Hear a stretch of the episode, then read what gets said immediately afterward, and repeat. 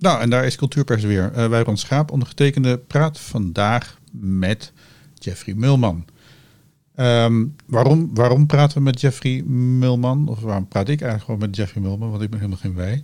Uh, Marijn Lems is er vandaag niet bij. Dat is niet omdat dat niet mag, maar omdat het gewoon even een tussendoor podcastje is. Podcastje. Uh, een gesprek met Jeffrey Mulman. Waarom? Omdat hij overgaat van het Nederlands Theaterfestival naar de Verkadefabriek. En hij heeft 16 jaar lang het Nederlands Theaterfestival gerund. Um, dat is best een tijd. Uh, Jeffrey, uh, als je in één woord even uh, terugblikkend kijkt over van, van, van wat, wat, laat je achter? In één woord? Nou, nee, niet één woord. Maar je mag, je mag lopen, lopen, lopen. Wat, wat, wat, wat laat je achter in Amsterdam? Uh, nou, allereerst bedankt voor de uitnodiging, voor dit gesprek. Uh, en wat laat ik achter in Amsterdam? Uh, ik hoop uh, een festival wat in ieder geval wat aanzien geniet in de sector. En ik hoop dat mijn opvolger erin slaagt om het ook meer aanzien te laten genieten buiten de sector, denk ik. Ja. Daar, daar moet nog wat aan gebeuren. Ja, Um, laat, laten we zeggen, van, ik kan ook gelijk vragen waar, aan welke, eh, wat het beste profiel is voor je opvolger, volgens jou. Maar dat is misschien te veel vooruitlopend op uh, wat, wat jouw bestuur gaat. Uh, denk we misschien wel heel iets anders hebben. Wat, um, toen jij werd aangenomen in 2005 Vijf. alweer. Je kwam van het Festival van de Werf vandaan. Ja. Um, en toen, ik zal je even eerlijk vertellen, dat, dat, dat toen ik, toen ik, uh, ik, ik, had, ik had met de vorige directeur Arthur Sonnen, uh, de buitengewoon gewaardeerde uh, grootheid van, van, van het theater, had ik altijd een haat-liefde verhouding, omdat ik enorm tekeer ging altijd tegen de term belangwekkend. Hmm. Het theaterfestival wat toen bestond en nogal het bestaan leidde, had de definitie belangwekkend theater. En dat was zeg maar voor mij altijd een rechtstreeks vrijkaart naar de, naar de diepe bodem van, van, van, van de lege zalen. Omdat zeg maar, het belangwekkendste was dan meestal toch de voorstelling waar de minste mensen naartoe gingen. Dus dat je iedereen het gevoel gaf dat ze iets gemist hadden. Ja. Um, hoe, jij kwam in die toch wat niet zo heel erg sprankelende boedel terecht. Ja, maar dat was op het moment dat uh, een aantal instellingen, waaronder het Theaterinstituut Nederland en de Schouwburg en het Holland Festival en de Vereniging Nederlandse Theaterproducenten, uh, hadden al de hand in geslagen en gezegd van nou oké, okay, dat moet anders. En Freek van Duin die had een aanbeveling geschreven van wat de nieuwe opdracht van het festival zou moeten zijn. En dat was uh, om er een publieksfestival van te maken. En om de, de term belangwekkend te, uh, los te laten en het in het teken te zetten van um, de promotie van het Nederlands theater. En dat was toen de opdracht. En toen heeft Freek gezegd, Freek van Duin, van nou ja, je plak dan dat gala van het Nederlands theater eraan vast. Dat bestond toen al. En doe dat dan als slotdag. En met die opdracht ben ik uh, toen ingestapt. Ah. En, en, omdat zij zeiden van, uh, ja, wij komen er met z'n vijven toch niet uit, hoe het moet, uh, kreeg ik een redelijke vrijkaart, of een vrijbrief, om dat naar, uh, naar, naar, naar, eigen inzicht in te vullen. En toen, het eerste wat ik toen heb gedaan, is de fringe eraan toevoegen. Ja, want de, de, even, even voor, voor mensen die er niks van snappen, de fringe. ik krijg nou regelmatig te horen dat we, dat, dat, zeker met Marijn, dat we te veel insight informatie hebben. Fringe, ehm, de, eigenlijk is Fringe het, beroemdste onderdeel van heel veel grote festivals. Waarbij het Nederlands Theaterfestival nogal in, in klein bij afsteekt. Maar het Festival Avion heeft eigenlijk twee festivals. Ja. het heeft ook twee festivalorganisaties die elkaar niet kunnen luchten of zien, weet ik vanuit Insight informatie. Het OFF Festival en het, en, en het echte festival. Die lopen elkaar enorm in de wielen te rijden in die toch niet zo heel erg grote stad Avignon. Um, En Edinburgh heeft een fringe. Ja. En, dat is, en die fringe van Edinburgh is volgens mij wel georganiseerd, toch? Die, die, die, die is mede door het festival zelf opgezet of is dat ook gewoon een soort anarchie ernaast? Ja, het is echt als, eh, nou niet als tegenfestival, maar het is wel als, echt als festival in de fringe, in de marge van het, het uh, Edinburgh Festival opgezet. Uh, onvergelijkbaar met wat wij doen natuurlijk, want dan gaat het over anderhalf miljoen bezoek, bezoekers in, ja. een maand. Uh, tegen, nou ja, dat is niet vergelijkbaar wat wij doen.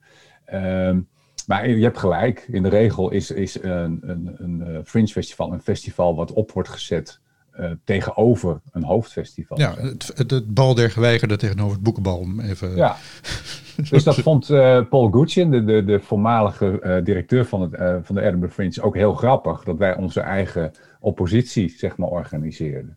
Ja. Dat, daar was hij erg van gecharmeerd. En inmiddels zijn er twee, zoals je dat noemt, twee brands. En ehm, twee merken. En eigenlijk uh, bemoei ik me er inhoudelijk uh, niet zo heel veel mee. Ik ben wel algemeen directeur, maar Aukje zit daar vooral op. Aukje, Aukje, Aukje wie? Aukje Verhoog. Aukje Verhoog, ja oké. Okay. En ze heeft een eigen team. Dus, en dat doet ze prima. Dus ik, ik, in de loop van de jaren ben ik me daar steeds minder mee gaan bemoeien. Mm -hmm. Maar waar, waarom was die fringe nodig? Nou, ik vond toen, uh, maar dat is wel een hele andere situatie. Ik vond toen dat, uh, en, en, eigenlijk is dat nog steeds een beetje mijn motto, dat veel makers te weinig uitgingen van, uh, van eigen kracht. En um, al heel snel toen de weg probeerde, ik probeer het even terug te halen, hè, de weg probeerde te wandelen, bewandelen van opleiding, productiehuis, gezelschap, al dan niet ondergebracht bij een groot gezelschap of eigen gezelschap. Dus de traditionele weg. En wat ik wilde aanjagen op dat moment was het ontwikkelen van een eigen uh, circuit. Uh, wat, wat onafhankelijker zou zijn. Alleen, ik had toen niet voorzien dat die productiehuizen en die werkplaatsen wegbezuinigd zouden worden. Dus opeens, en eerst zei Valeo, dat is een, eh, is een, een, collega van mij uit New York, die zei van ja, maar waarom zou je in Nederland een fringe beginnen? Uh, de, We zijn in Nederland. Er is geen fringe. Nee. Hij zegt, jullie hebben zo'n perfect systeem. Er bestaat helemaal geen fringe. Hoezo? Het is, ja. het is één, één aan één gesloten uh, systeem. Dat was op dat moment ook zo. Maar toen die bezuinigingen kwamen, sloeg er opeens een gat tussen de, zeg, laten we zeggen, de bovenlaag en de onderlaag. En werd die fringe opeens een soort noodzaak. En dat is een hele groot, uh, heel groot verschil uh, met het begin. Mm -hmm. Het eerst nuttig en later werd het noodzakelijk. Ja. En dat is wel een hele grote shift uh, geweest. Ja. En dus of het, of het nou goed is dat er nu een fringe bestaat, ja, daar kun je natuurlijk over praten. Want je, je, ziet wel dat er een, ja, een, een grote verarming is opgetreden. Ja wat ik dan als oude man uh, uh, denk, die, die, diep in de jaren tachtig uh, ook nog wat in het theater in Utrecht in de, in de Fringe deed, of liever gezegd dan in het theatercafé De Bastaard. Mm -hmm. Wat toch een soort vlees geworden fringe was. Zeker. Is, um, dat zo'n tegencultuur natuurlijk ook, ook echt een, een, soort tegencultuur is van inderdaad de mensen die, die niks te maken willen hebben met de bestaande systemen, hun eigen ding willen opzetten. niet zozeer omdat ze niet anders kunnen, maar omdat ze misschien niet anders willen. Um, in, in, Nederland hebben we dat allemaal eigenlijk uh, uh, keurig, in wat die Amerikaanse collega van jou zei, van, van, het is allemaal keurig geregeld. We hebben een, een fonds podiumkunsten voor alles eigenlijk wat nou ja, in, de, in de marge wil rommelen. Dat, die kunnen geld krijgen, die, die, die hoeven er, ik bedoel, eigenlijk iedereen die iets met kunst wil doen in, in Nederland, podiumkunst, die, die kan. Dus je moet wel heel bond maken, wil je geen subsidie kunnen aanvragen. Of ben ik nu te, te, te, te, te... Nou, dat vind ik wel een beetje optimistisch hoor. er zijn natuurlijk wel uh, echt dingen veranderd. Als ik, ik kan uh, vanuit gezelschap vind ik moeilijk praten. Maar als ik bijvoorbeeld kijk naar de festivals. Er is wel geld bijgekomen voor de festivals structureel. Dus die staan er wel, wel beter voor dan een aantal jaren geleden. Maar bijvoorbeeld de tweejarige regeling, die is weg. Dus je, je komt nu in de, voor de vierjarige regeling in aanmerking. Dus het is wel, best wel moeilijker om een nieuw festival uh, te starten. Je, je, moet eerst dan plaatselijk vier jaar lang. Als festival, ja. Ja, ja bijvoorbeeld. Ja. Ik neem even als voorbeeld omdat ik dat, dat goed ken. Dus ehm, voordat je daar bent. Kijk, ik denk dat er ook veel verhuld wordt door het afgelopen corona-jaar. en doordat er, doordat er extra steun is gekomen. En dat op een gegeven moment toch een heleboel gezelschappen alsnog uh, geld hebben gekregen. Mhm. Ehm, als de situatie normaal was geweest, dan denk ik dat er wel hele zware klappen waren gevallen, eerlijk gezegd. En, Ja. dat, dat, en dat dat gat tussen de, de, het gevestigde en de marge nog veel groter was geworden. Alleen dat merk je nu eventjes niet. Maar dat ga je straks wel weer merken, vrees ik. Of eh, vind jij dat. eh, Ik, eh, ik, ik vrees het ergste. Sterker nog, ik bedoel, de, de, de, nieuwe berichtgeving over de nieuwe testen, de testpilots, ehm, Mhm. die, die gaan worden opgezet. Betekent toch dat je op een gegeven moment als theaterliefhebber of museumbezoeker of festivalbezoeker een, een, een meerdaags testbewijs, eigenlijk 75 euro, zelf moet gaan bekostigen. Of moet laten bekostigen door het festival of de, de, de plek waar je heen wil gaan. mhm, Dat is wel even een extra eh, eh, drempel? drempeltje. Niet al te reëel. Nog los van het feit of, of, of je zelf zin hebt om iedere keer als je uit wil eh, eh, een wattenstaaf in je neus te douwen. Mhm. Eh, eh, en, en dan te moeten achterkomen dat je ongeschikt bent omdat je toch misschien een virus hebt opgedaan. Nou ja, eh, ja is. Hoe, hoe, en en ik, ik denk inderdaad dat, dat, dat er op een gegeven moment gaan eh, eh, eh, de politieke partijen geld terugvragen. Ja, en, en, en dat denk ik ook. Want deze rekening gaan we natuurlijk ergens krijgen.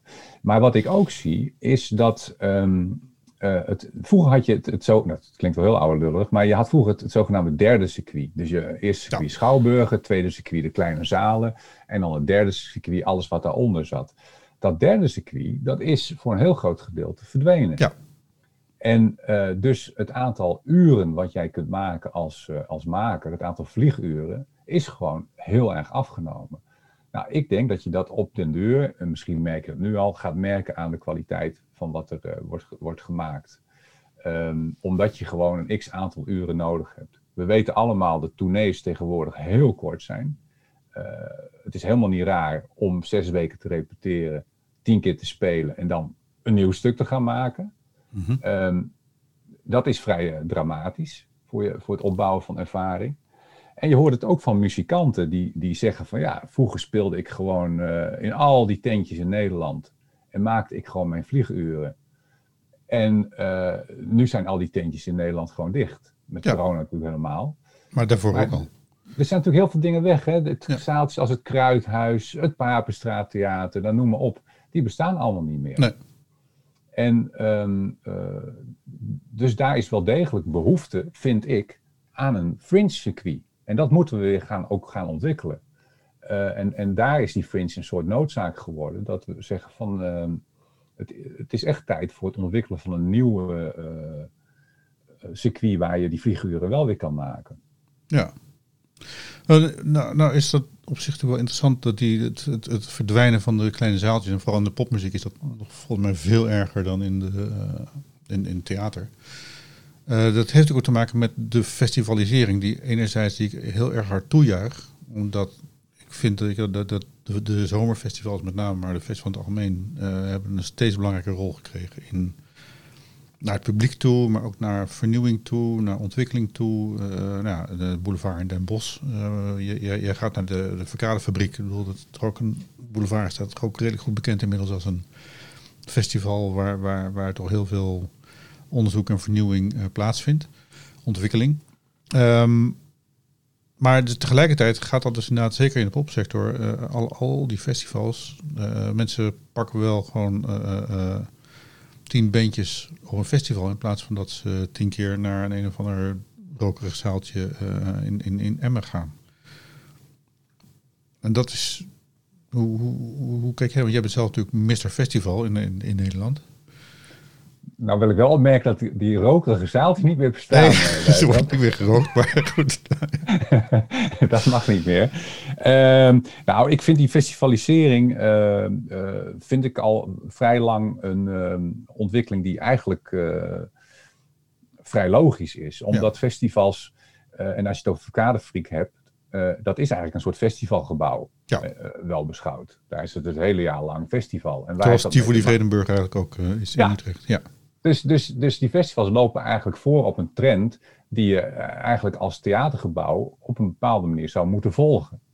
Namelijk eh, een ontspannen sfeer waarbij je veel kan kiezen, waarbij eh, ontmoeting centraal staat, waarbij eh, de verschillende sferen zijn, ehm, waar het relaxed is, waar het feestelijk is, nou, noem maar op. Dat zijn allemaal voordelen van festivals. Dus meerdere keuzes op een avond. eh, het staat voor je klaar. Je weet dat het leuk is. Nou, dat is nog, nog, nog steeds wel een contrast met, eh, met hoe theaters eh, soms nog in elkaar zitten, Ja. vind ik. En wat ik heel inspirerend vond, is we hebben vorig jaar een lezing, of twee jaar geleden alweer een lezing gedaan van Jessica Tom. Zij is een theatermaakster uit Londen. Zij heeft Tourette-syndroom. En ze hield een fantastische lezing over inclusie. En ehm, wat zij organiseert zijn de relaxed performances. En dat zijn theateravonden waarbij geen regels gelden, niet de traditionele regels. Dus je mag gewoon plassen als je daar zin in hebt. Eh, je mag gewoon doorheen praten, je mag foto's nemen. eh, alles wat je normaal niet doet in een theaterzaal. Het Plassen denk ik aan wel op de wc, maar dat is weer dat. ja, altijd is. ja, ik kan helaas niet in de zaal.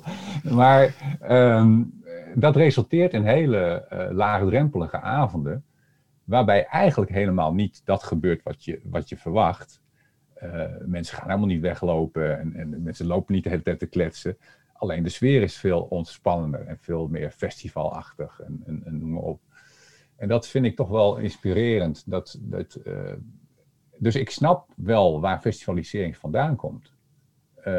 Als ik publiek was, zou ik ook naar een festival gaan, eerlijk gezegd. Ja. Of naar, een, of naar een venue of een gebouw waar het eh, ontspannen en gezellig en, en leuk is. En waar je niet zoveel hoeft. Ja. Of nog een naprogramma hebt ergens in een, een of andere nou, niet zo rokerige zaal achter. eh, nou, ja. Nee, ik, ik, ik kan me daar helemaal in vinden. Ik heb Eh. altijd moeite gehad met de strengheid van, van theaters, zeg maar. Ja, Ook fijn, maar ik vind het ook eh, om in een theaterzaal te zitten, want ze hebben altijd een bepaald soort magie. Maar de strengheid heb ik altijd moeite mee gehad.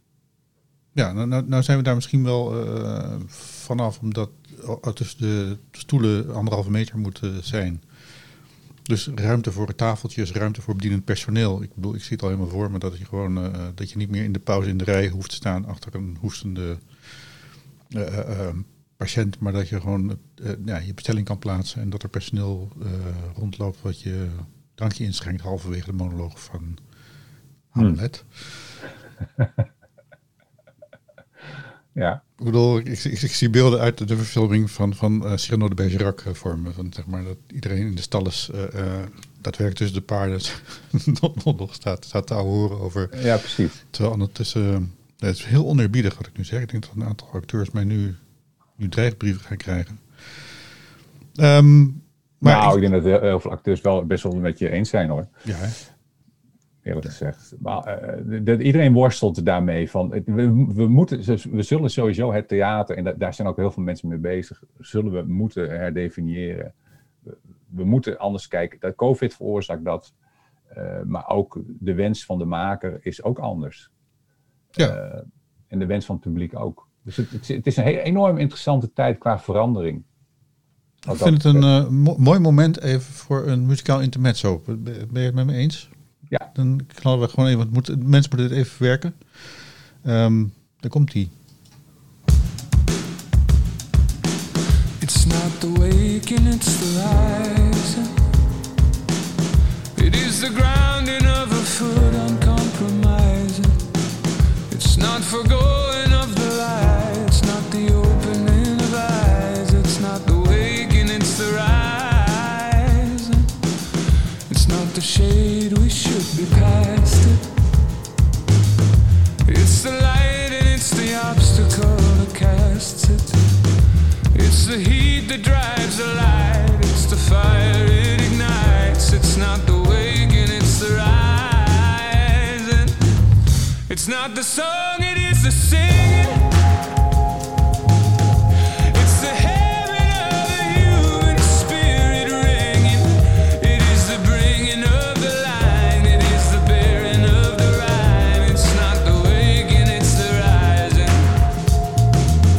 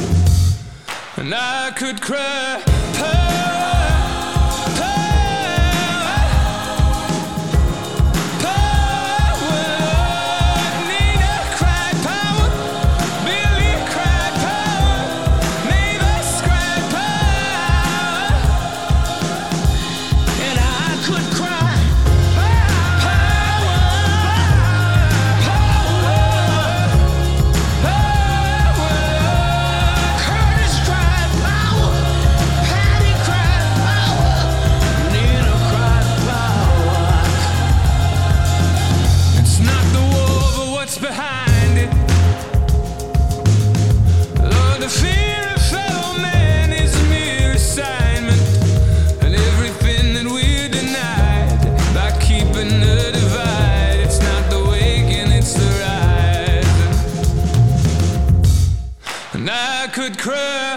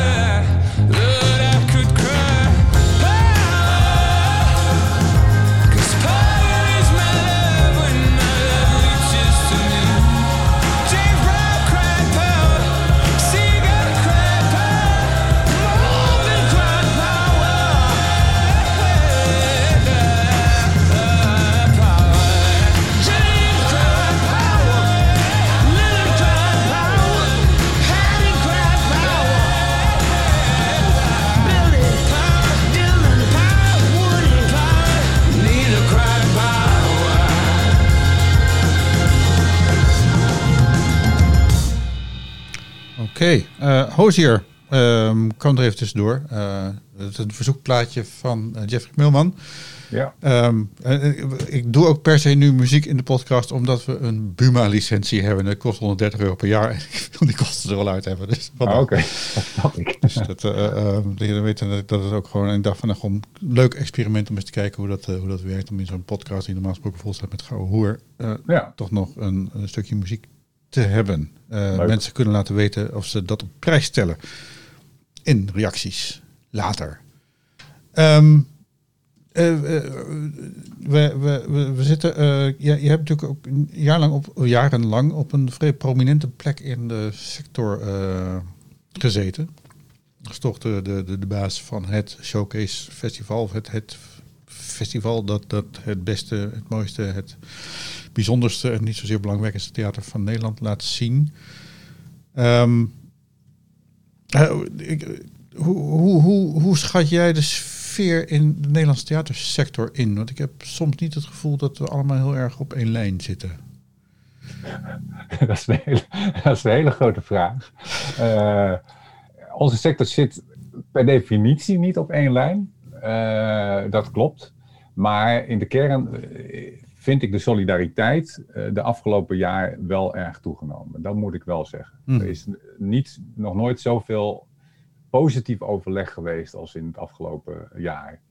Taskforce is daar een goed voorbeeld van. Kunst 92 doet dat heel goed. Er zijn allerlei verschillende andere clubs, aanvang, die, die daarmee bezig zijn. Dus die, dat is wel heel erg gegroeid, moet ik zeggen.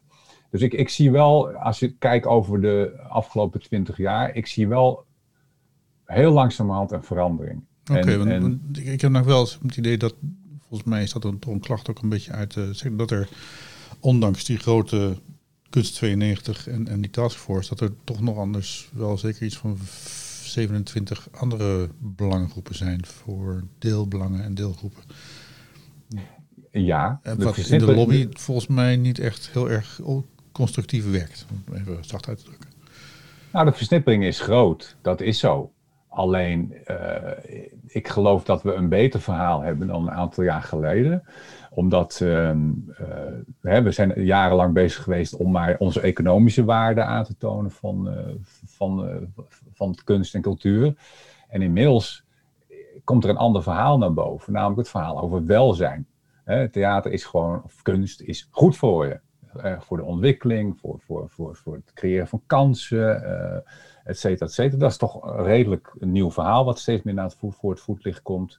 Eh, de politiek is duidelijk minder negatief dan een aantal jaren geleden. Dus dat is toch ook wel het gevolg van, van een gezamenlijke lobby, denk ik, hoe versnipperd eh, dan ook.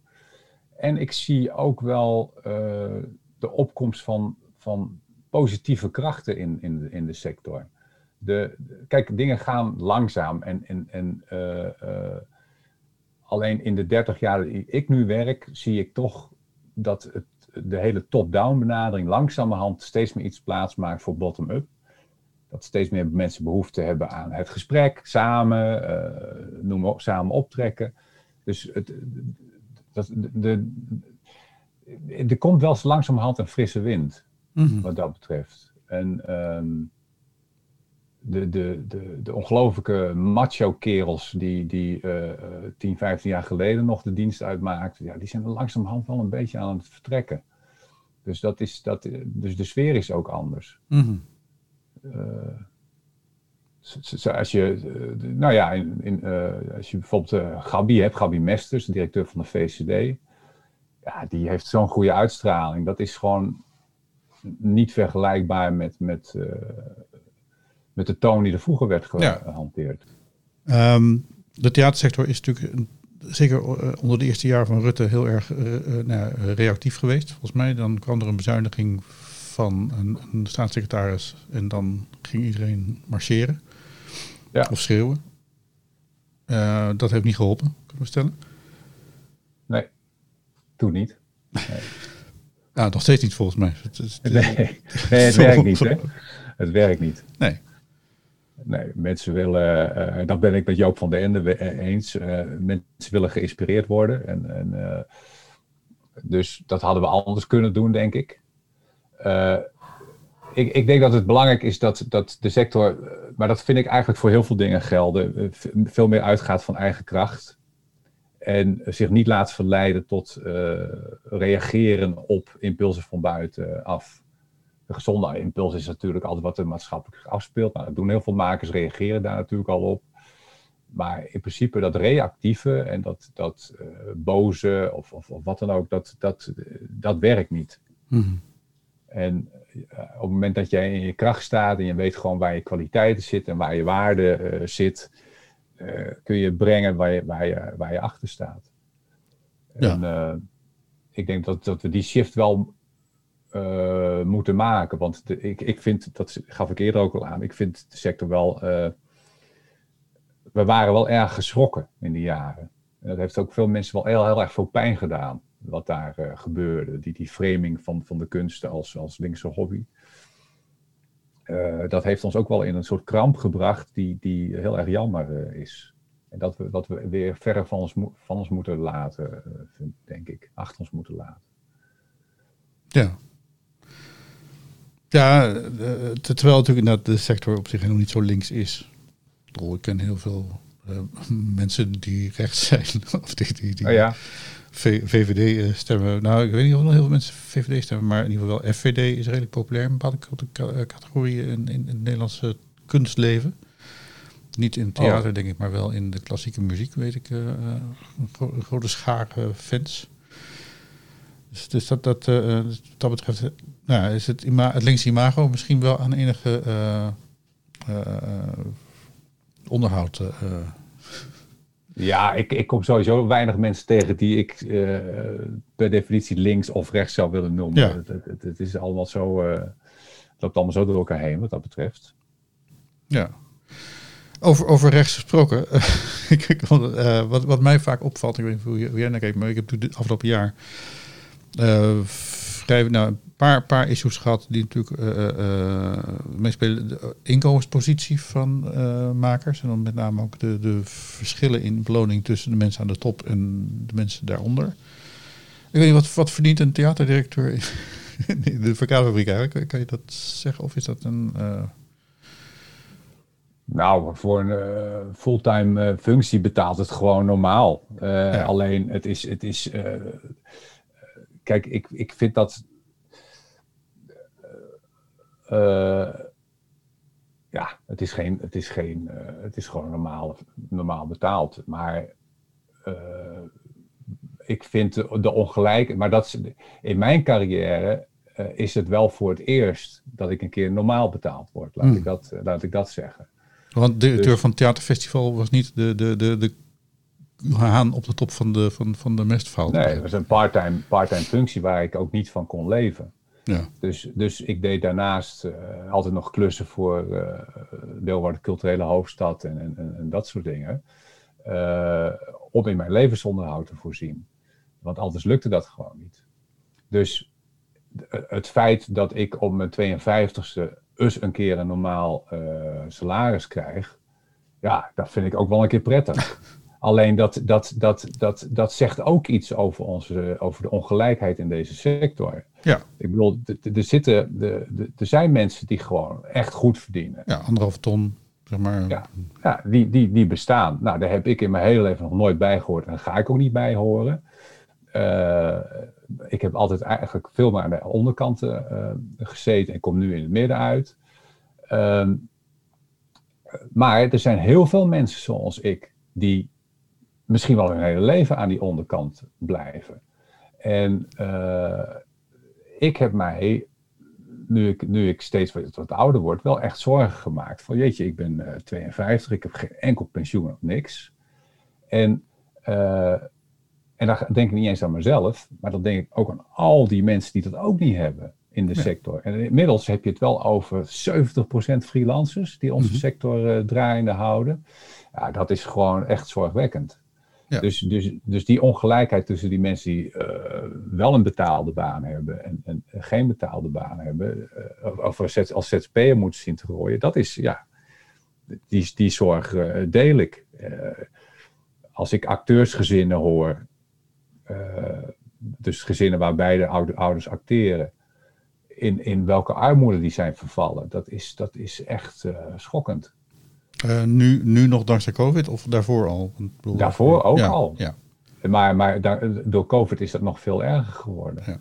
Alleen ik denk dat je niet in de val moet trappen dat, dat we, en dat vind ik in zijn algemeenheid, dat we in de sector te veel in een wij-zij-spelletje terechtkomen. Want, weet je, eh, laatst zijn dan de salarissen ge- gepubliceerd van een aantal, aantal mensen, zoals Erik de Vroet of wat dan ook. En die zitten dan eh, rond, een, rond een ton of eh, 120 of weet ik veel.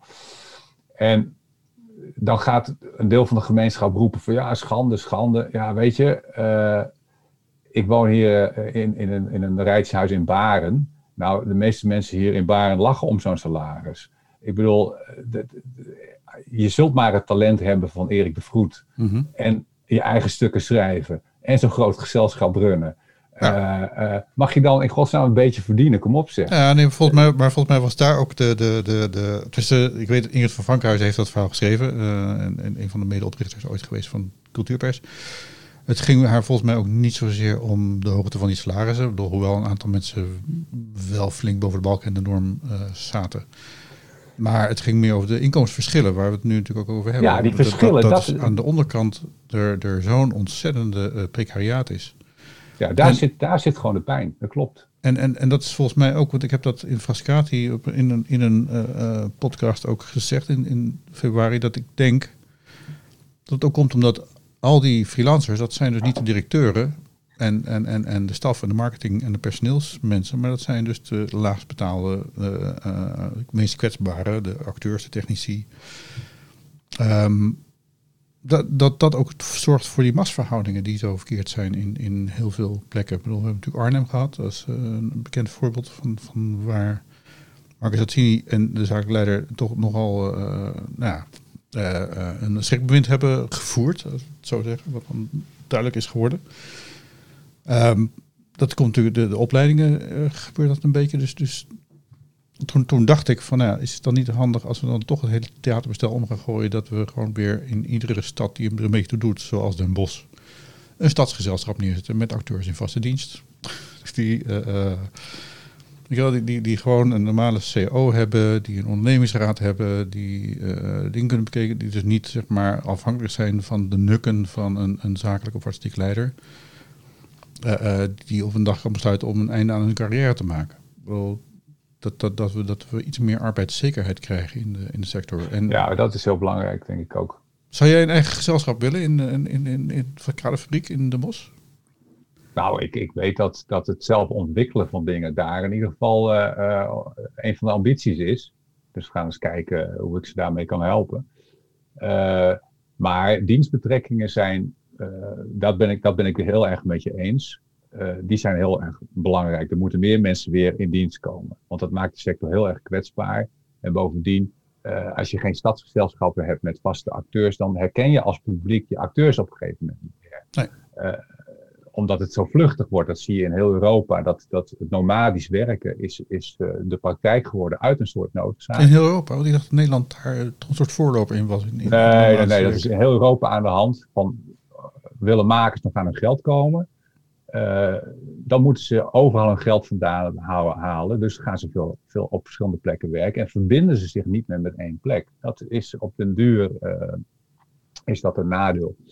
Ehm, tegelijkertijd wil ik nogmaals benadrukken van val niet in die, in die valkuil van eh, denken dat, dat de, de verschillen liggen veel genuanceerder dan je denkt. De- Niet alle directeuren hebben veel geld. Eh, als je kijkt eh, naar Joop Mulder, eh, ontzettend geliefd, onlangs overleden, Ja. directeur van Oerol. Die man heeft, heeft nooit veel geld gehad. Die heeft altijd de tweede hypotheken moeten nemen om, om dat festival te redden of wat dan ook. Als je denkt dat dat soort mensen binnen zijn gelopen, dat is totale onzin. Mhm. En, en er, zijn, er zijn veel meer mensen die met hart en ziel zelf de sponsor zijn van hun eigen werk. Dan mensen, dan die kleine laag mensen die echt verdient. En dat, en het kan mij hele, helemaal niks schelen dat Ivo van Hoven, desnoods verdient hij 3 miljoen, wat niet zo is. Maar, het is wel, eh, maar dat is wel een van de allergrootste regisseurs ter wereld. Ja. Dus, dus, maar het gaat over, inderdaad over die ongelijkheid. En het feit dat mensen. eh, het is ook voor. Zeker in de crisis in 2011 is het voor technici eh, echt verschrikkelijk geweest. Dat je technici tegenkwam die met een busje met spullen voor 100 euro per dag door het land trokken om, om hun diensten te verlenen. Dat is gewoon bizar. Dus eh, ja, daar zit mijn zorg eh, vooral. Maar we moeten solidair blijven. Ja, En ons niet laten, tegen elkaar laten uitspelen. ja. Nee, dat lijkt me een heel eh, eh, mooi eh, slotwoord eigenlijk. Want ik, ik probeer de zaak hier altijd binnen de 45 minuten af te ronden. dat schijnt een ideale duur te zijn voor podcast. Dus ja, dat, dat, ergens zo rond het ommetje wat, wat mensen ook nog moeten maken op hun op, op koptelefoontjes. Hey Jeffrey, ik, ik dank jou heel hartelijk voor deze toch, tot dit toch fijne gesprek. We gaan er uit met nog even een kleine oproep voor donaties. Want eh, ook, ook hier eh, leeft het precariaat eh, on- ongelimiteerd voort. Dus nou, Jeffrey Melman, eh, we spreken elkaar vast wel weer op het moment dat jij in, eh, in, in, in Den Bosch eh, eh, de hemel bestormt. En eh, ik dank je heel erg voor, deze, voor, de, voor dit gesprek. Ben jij blij met deze podcast? Laat het dan merken met een kleine donatie. Kijk op www.cultureelpersbureau.nl slash doneren en maak ons gelukkig. Dus www.cultureelpersbureau.nl schuine streep doneren.